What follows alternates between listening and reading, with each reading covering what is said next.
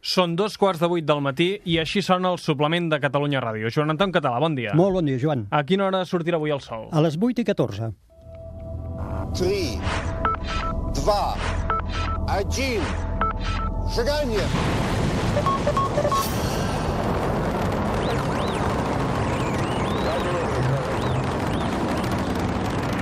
One small step for man,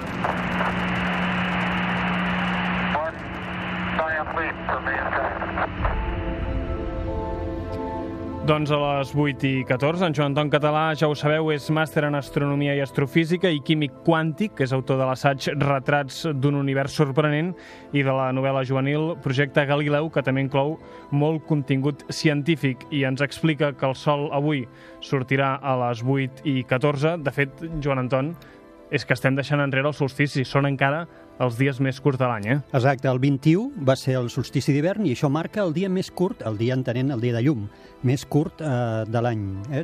El més llarg seria el solstici d'estiu, el més curt seria el que vam passar ara, el solstici d'hivern. I entremig tenim els equinoccis. Exacte, el equinocci que seria quan la durada del dia i de la nit és, la, és idèntica, és la mateixa. Això passa als altres planetes del sistema solar? Sí, sí, sí, sí. De fet, passa a qualsevol planeta que tingui l'eix de rotació inclinat. Recordem que la raó de les estacions de l'any és justament aquest, que la Terra té una mica inclinat el seu eix, hi ha planetes que també ho tenen, quasi tots ho tenen, i n'hi ha que el tenen molt més inclinat que la Terra. Com més inclinat sigui, més exagerades, més extrems són les diferències entre les estacions de l'any. Et preguntava això perquè aquesta setmana hem sentit hi ha hagut una notícia que, que l'hem sentit en aquesta forma.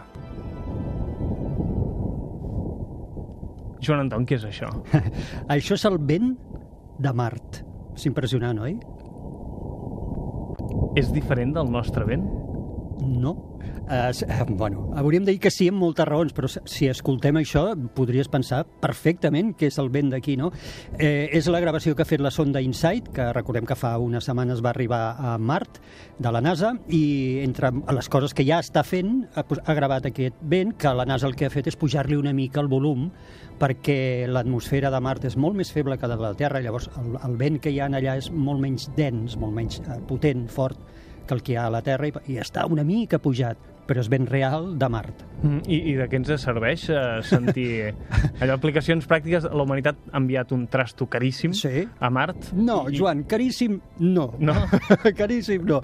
A veure, sempre ho explico i, i és un missatge que s'ha d'anar donant. Caríssim, no. Uh, L'F-18, que era un avionet de combat, ho he explicat alguna vegada por ahí en conferències que faig, que era un avionet de combat que ja es feia quan jo era jove, imagina't quan se n'han fet en el món, amb 6, 7, 8 avionets F-18 es paga una missió. Vol dir la missió més les nòmines dels eh, O científics sigui que durant anys. més val anar a Mart i gravar vent. Clar, exacte, que fer la guerra i matar gent, no? I, i la- l'aportació científica quina és? Mira, l'aportació científica de l'Insight serà a l'estudi de l'interior de Mart. Porta un eh, sismògraf que, de fet, aquesta setmana ja l'ha desplegat, eh, en el seu braç articulat ha desplegat el si- sismògraf i l'ha col·locat en, un, en una posició a terra, que s'ha estat eh, fent fotografies i decidint on ho posaria, i també mesurarà la temperatura de l'interior de Mart. Això són les aportacions científiques. El, fet de, el fet del vent, diríem, no és tant, o no és gens, una aportació científica, sinó que és inspiradora. Mm. És una aportació de que ens puguem imaginar com és aquell món i, i que diguem, ala, hi ha vent, i aquest vent s'assembla al de la Terra.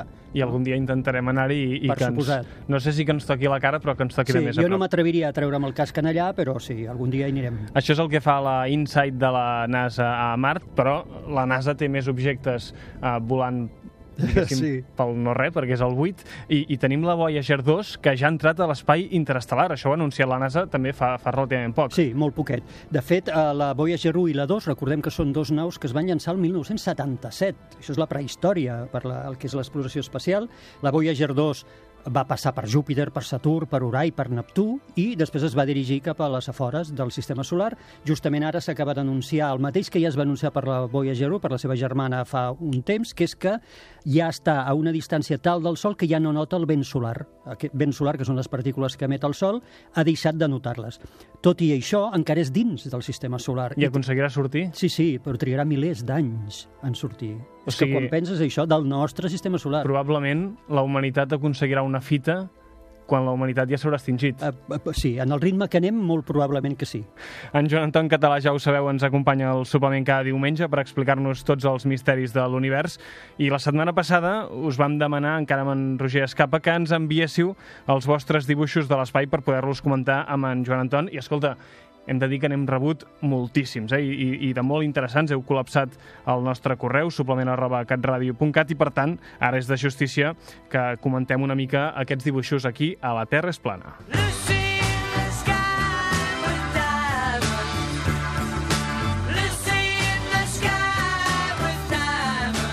Joan Anton, de fet, el, el Lucy in the Sky with Diamonds Home, no et diré que hem rebut el dibuix perquè seria mentida, però John Lennon va escriure aquesta cançó basant-se en, en un dibuix del seu fill, no? No en tenia ni idea. Doncs sí, sí, de, de, de debò no ho sabia. És un, un dibuix que, on, on hi sortia uh, doncs un cel brillant i ell el va inspirar. Hi ha altres versions que, que diuen que no, eh, que potser es va inspirar d'alguna altra manera. bueno, En quedem-nos en aquesta, no? Què et sembla la inspiració dels, dels nostres oients? Què et semblen aquests dibuixos? A veure, jo sempre dic que el- els nens són fantàstics quan fan dibuixos perquè no es tallen. Els adults a vegades ens tallem per por a fer el ridícul o a no saber determinada qüestió, no? En canvi, ells te la llencen, ja siguin preguntes, ja siguin dibuixos, i, òbviament, la imaginació d'un nen és, és una cosa increïble. Sí, però hi ha, hi ha un punt... Que, mira, vaig, vaig mirant aquí Digue'm. dibuixos que tinc i hi ha un, un punt que es repeteix en, en, en diversos, que és que hi ha robots Sí, i, a més a més, són robots en forma humana. per què? Sí, jo sempre vaig a les escoles, els explico el tema de robots perquè ens agrada a tots i amb ells els fascina pensar que hi ha robots explorant planetes. No, no tenen forma humana, en realitat, sento decebre'ls en aquest sentit, però sí tenen cervell, eh? sí tenen ordinadors que els fan pensar i els fan actuar en remot. Pensem que són tan lluny que no els hi podem enviar ordres immediates i, per tant, ells han de tenir l'autonomia de poder decidir, eh? de poder decidir què fan. Tenen forma de cotxe, tenen forma d'instrument amb rodes que es De, pugui... Quan dius de cotxe ens hem d'imaginar un, un No, tampoc- turisme o un cotxe teledirigit? No, un cotxe teledirigit n'hi ha de petitons, en plan cotxe te teledirigit, però el més gran que tenim en allà, que es diu Curiosity, té la mida d'un turisme real nostre, amb sis rodes, tres a cada costat, si no recordo malament, i, i ple d'instruments i amb un cap alçat sobre, sobre un, un, un pal, diríem, que és on porta les càmeres, és on porta làser, és on porta molts instruments. Per tant, I- s'assemblaria més a un cotxe o a un tractor. Són, són aquesta mena d'objectes, de, de robots els que han detectat aquest vent que comentàvem abans, entenc? Sí, eh, de fet, la Insight s'assembla a tot això, però no seria ben bé un robot perquè la Insight eh, s'han curat a terra. És a dir, la Insight no està pensada per moure's, és una nau que ha aterrat i allà es quedarà. I, en canvi, quan diem robot, o a la, que seria la traducció del rover, de la paraula rover que utilitzen els anglesos, els americans, que seria que té possibilitat de moure's. Eh? I llavors, quan diem robot, és això, és un element que té possibilitat d'explorar, de moure's. On tenim robots ara mateix? Ara en tenim eh, a Mart, eh, i en tenim, eh, durant la història n'hem anat enviant, es van morint, que vol dir que se'ls acaben les bateries o que tenen accidents, i en aquest moment en tenim a la superfície de Mart, i també de la Lluna, eh? però si parlem de planetes, els tenim a la superfície de Mart I què hi fan? exploren coses superinteressants. Eh, els que tenim ara, o els que hem enviat fins ara, són geòlegs.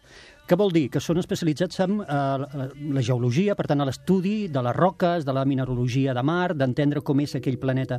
Els robots que enviarem els propers anys, especialment el 2020, la NASA i l'Agència Espacial Europea eh, enviaran dos nous robots que són biòlegs, robots especialitzats en la cerca de vida. Aquest és el sant grial. És dir, Mart és la nostra gran aposta i en particular és la meva gran aposta i jo he apostat tot al vermell, mai, mai més ben dit parlant de mar, no?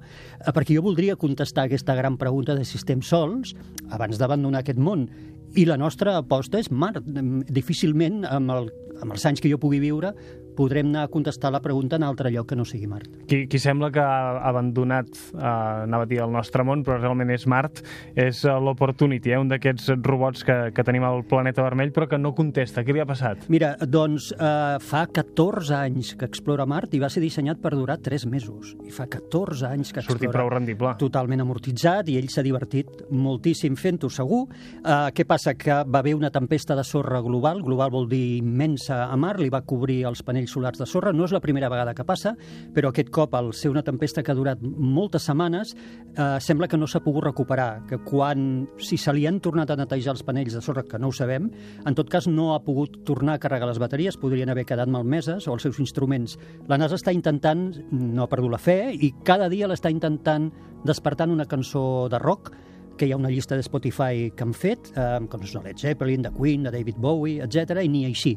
Per tant, si ni així vol dir que realment està malmès. O sigui, ens podem posar aquesta mm, llista nosaltres Absolutament, i ens és pública. cada dia. És igual pública, que, va, que el- vinga, doncs, que el robot. Escolta, posem una mica de música, a veure si el que no ha pogut fer la NASA ho fem nosaltres i despertem aquesta adormida Opportunity. Fly me to the moon.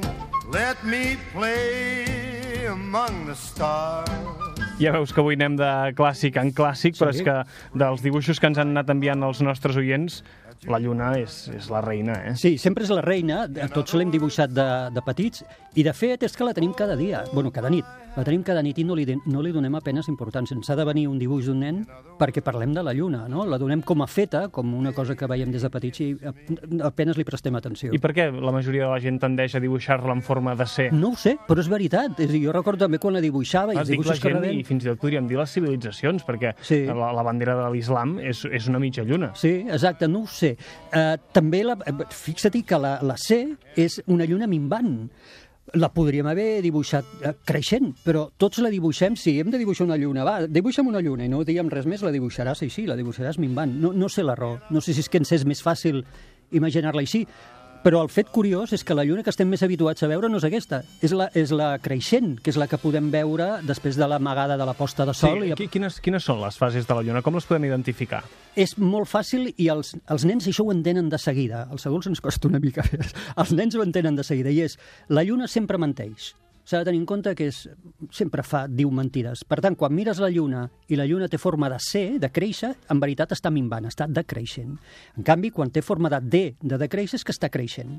Això és una forma intuïtiva fàcil de reconèixer les fases de la lluna, que recordem que són la minvant o decreixent, eh, la nova, que la gent diu, no, no hi ha lluna, sí que hi és, però és de dia i al costat del sol i no la veiem, no està il·luminada, la part que ens toca, i per tant no la podem veure, la creixent i finalment la plena, que és aquella lluna tan xula, rodona, bonica, que veiem entre les dues fases, la minvant i la creixent. Deies que els, que els nens ho tenen més fàcil o que per algun motiu identifiquen les fases eh, més fàcilment. Potser és que els adults eh, hem mirat o hem vist massa imatges de telescopi perquè per telescopi la lluna la veiem rodona. La, és, és rodona, efectivament, és, és rodona. La lluna, la lluna la veiem tal com és, però per què al cel eh, la veus creixent o decreixent? Molt bé, això té a veure amb l'angle en què l'incideix la llum del Sol. Tal com la Lluna es va movent a, al voltant de la Terra en la seva òrbita, el Sol l'il·lumina de forma diferent. Per exemple, una lluna plena ens queda al darrere. Seria com una alineació on hi ha el Sol, la Terra entremig i la Lluna al darrere nostra. I la Lluna, la cara que ens dona, queda absolutament tota ella il·luminada pel Sol. La veiem plena. Una lluna creixent o minvant, només veiem un trosset de la lluna il·luminada. Missatge molt important també pels nens i també pels adults. La part fosca i la part clara que veiem en una lluna creixent o minvant és de dia o de nit. No només és que el sol il·lumina, és que com que el sol il·lumina la part clara, allà és de dia. I en canvi a la frontera on comença l'ombra allà és de nit, a la lluna. Si ens poguéssim plantar allà estaríem veient una sortida de sol. La Maria no s'hi no pot plantar, però en aquest dibuix que ens ha enviat el que ha plantat sobre la lluna és una bandera. Molt bé, molt bé. Es poden plantar banderes a la lluna? Perquè hi ha la teoria de la conspiració, oh, i tant, eh? oh, i tant, i tant. Eh, sí, hem, hem posat banderes, els americans han posat banderes a la, a la Lluna, I com unegen? eh, eh, no unegen perquè no hi ha aire. Allò que s'han de planxar i, i que Sí, queden allà tieses, diríem. Acartronades, eh? Acartonades totalment. Eh, no les podem veure des de la Terra perquè no tenim, no hi ha potència, cap instrument que puguem tenir, ni els telescopis més potents per poder veure aquestes coses que va deixar l'home, però sí les hem vistes amb els, les sondes i els robots i satèl·lits que han cartografiat la Lluna i que han enviat diversos països, desmuntant, per tant, la teoria de la conspiració. O sigui, l'home ha arribat a la Lluna i 12 ho sabem sí. perquè podem... 12 persones han trepitjat la Lluna, hem eh, revisat i hem fotografiat les restes que van deixar, i això ho han fet diversos països, aquí podríem incloure països com la Xina o la Índia, que o no el tenen Japó. cap interès en sostenir la teoria de la En conspiració. principi no, hauria de ser una conspiració eh, còsmica, eh, mai més ben dit. No, i després també eh, m'agrada explicar que les missions Apolo van deixar uns miralls col·locats a la Lluna, que utilitzem per enviar-hi raig làser, que rebota la llum, ens torna, i així és com coneixem el mil·límetre, com varia la distància Terra-Lluna. Va, marxem de la Lluna, anem una mica més lluny, crec que allà no hi arribarien els làsers. Anem cap a Saturn. I've heard her talking about planets and stars. What Perquè, Joan Antoni, hem rebut molts dibuixos de Saturn. Per què als nens els agrada tant aquest planeta pels anells? Sí, sí, a qui no li agrada no veure els anells. És la joia, la corona del sistema solar, el- l'autèntic rei dels anells. Qu quants anells té Saturn? Mira, en principi, clar, quan els van començar, començar a descobrir un, dos, tres, tal com anaven progressant els telescopis i les missions, després van ser set, que són els, les agrupacions que avui en dia fem. Però si es mira una fotografia de la NASA de les sondes que hi ha enviat, són milers. És dir, Milers d'anells. Milers d'anells petit, petitons, concèntrics, tots ells molt a props uns dels altres, en grups, això sí, són les set agrupacions, a l'anell A, B i C, però quan diem a l'anell A, són milers, en veritat, que formen aquesta aquests, agrupació. Aquests anells què són? Això què és exactament? És gel d'aigua pràcticament pura, amb una mica de roca i de pols, però és gel d'aigua, per això brillen tant vistos en el telescopi. Però és, en- entenc que és discontinu, eh? que, és, que això ho podries arribar a travessar si convingués. Sí, sí, sí, absolutament. Absolutament ho podries eh, travessar, però té consistència, eh? té, té densitat, i per tant, eh, si fessis passar m'imagino eh, que si fessis passar una nau justament entre els anells eh, patiria aquella nau perquè tindria a gran velocitat, perquè aquí es tracta de la velocitat que portes, no només de la mida de les partícules, que és molt petita, tindries Hauria impactes d'estar importants. perfectament sincronitzat perquè Exacte. pogués eh, creuar pel mig. No sé si Exacte. deu tindre gravetat, aquests anells. En Sí, sí, sí, sí, sí. No, els anells en tenen molt poc, és la gravetat de Saturn que noten i per això tenen consistència perquè el que noten és la gravetat de Saturn. En els dibuixos també veiem que hi ha nens que en saben molt del sistema solar, perquè, per exemple, en Marc també li ha posat anells a Urà.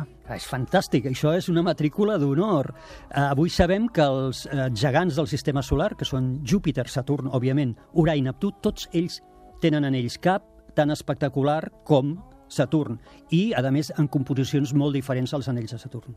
Això vol dir que no tots són de gel. No, no, no. De fet, els de Júpiter, Urà i, i Neptú tenen una mica de gel, però bàsicament són de roca, de trossos de roca i de, i de pols, amb molt poc contingut comparat amb els anells de Saturn d'aigua. I, I la Terra per què no en té d'anells d'aquests? Eh, suposo que no té la mida, cap, cap planeta, diríem, terrestre, rocós de la nostra mida, ni Mercuri, ni Venus, ni nosaltres, ni Mart, ni els objectes que hi ha molt més enllà, com Plutó, en tenen.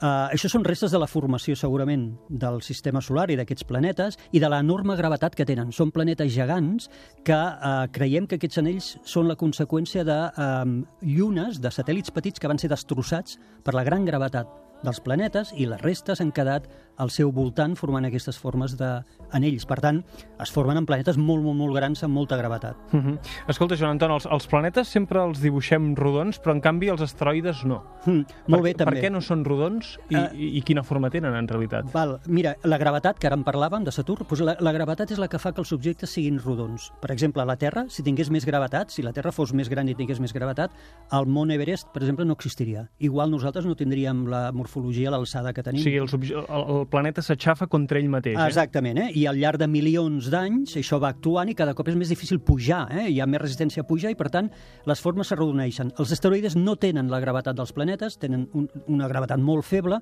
i per tant tenen formes amorfes, tenen formes variopintes molt, molt diverses, molt rarament rodona, perquè no, no tenen aquesta gravetat que els fa ser rodons. Uh -huh. I uh, el risc aquest que sempre cada any, cada dos anys hi ha alguna pel·lícula. Sí. El risc aquest d'asteroide acostant-se a gran velocitat a la Terra, això ens ha de fer por o, o no és... No, a veure, La setmana que ve, si vols, parlem de, de maneres que s'acabi el món, eh? Ah, ostres, doncs n'hi ha perquè unes ja que quantes. s'estarà eh? acabant l'any, però de moment avui, per, per quedar-nos uh, tranquils, mm Mhm. pot No. ser que vingui una roca i ens rebenti? A veure, sí, si m'ho preguntes així, et haig de dir sí. Uh, però si m'ho preguntes com ho has preguntat abans, hem de patir, diré no. Uh, no hem de patir, no hem de patir. Uh, la probabilitat de que això passi uh, en els propers milers d'anys és molt, molt reduïda, molt baixa. No és zero, i per això pot passar, sí, pot passar. I durant tota la història de la Terra ha anat passant. Eh? I va passar amb els dinosaures i molt abans. O sigui que potser fa milers d'anys hi havia un dinosaure pensant no has de patir Pot ser I de- que va passejant... Sí, pot ser que estés passejant els seus nens i dient no has de patir. Sí, eh, podria ser, en algun moment toca, i el dia que toca, aquell dia eh, toca, no? Però no, no hem de patir. Eh, tenim moltes altres coses a la Terra per les quals sí que hem de patir. Sempre ens agrada acabar la conversa amb en Joan Anton Català a aquesta hora del matí al suplement de Catalunya Ràdio, aixecant la vista al cel i mirant què hi trobarem. A priori no hi hem de trobar asteroides venint cap a nosaltres. Què hi hem de trobar aquesta setmana? No, a veure, tindrem eh, la lluna quasi plena, la vam tenir ahir, a final de setmana que la lluna ja començarà a minvar i per tant sortirà de matinada, les primeres hores de la nit són excel·lents per veure dos estrelles al cel que brillen molt i són de color ataronjat i li dic a la gent, repto la gent que les miri i trobi que són ataronjades, una està a la constel·lació del Toro i l'altra està a la constel·lació d'O- d'Orió i són dos gegants vermelles que se'ls hi pot apreciar el color. Si algú fa fotografies, que ens les enviï com sempre, el suplement, estels i planetes, i sobretot que es fixin en això, en la llum vermellosa ataronjada. Doncs, eh, Joan Anton Català, gràcies per venir, bon Nadal, i t'agafo la paraula, eh? La setmana que ve parlarem de la fi del món. Perfecte, jo només, mira, at- atraco ara molt ràpid. Endavant. Arriba Nadal. Uh, jo voldria donar moltíssimes gràcies, un gran felicitació a tothom, però moltíssimes gràcies als meus companys de Catalunya Ràdio perquè em permeten fer el que més m'agrada fer, que és parlar d'aquestes coses. Vosaltres, el Roger, tu, la Marta, tot l'equip del suplement, la Mònica Terribas, el Gerard López, tot l'equip del matí, el Xavier Solà i tot el seu equip de la nit dels ignorants. De debò, moltíssimes Sé que gràcies. parlo en nom de tots quan et dic que l'agraïment és mutu, perquè a nosaltres ens encanta que, que vinguis a parlar-nos-en i, i que t'encanti també. Moltes gràcies. A veure si t'agrada la setmana que ve parlar d'això de la fi del món, eh? Molt bé. Fins ara.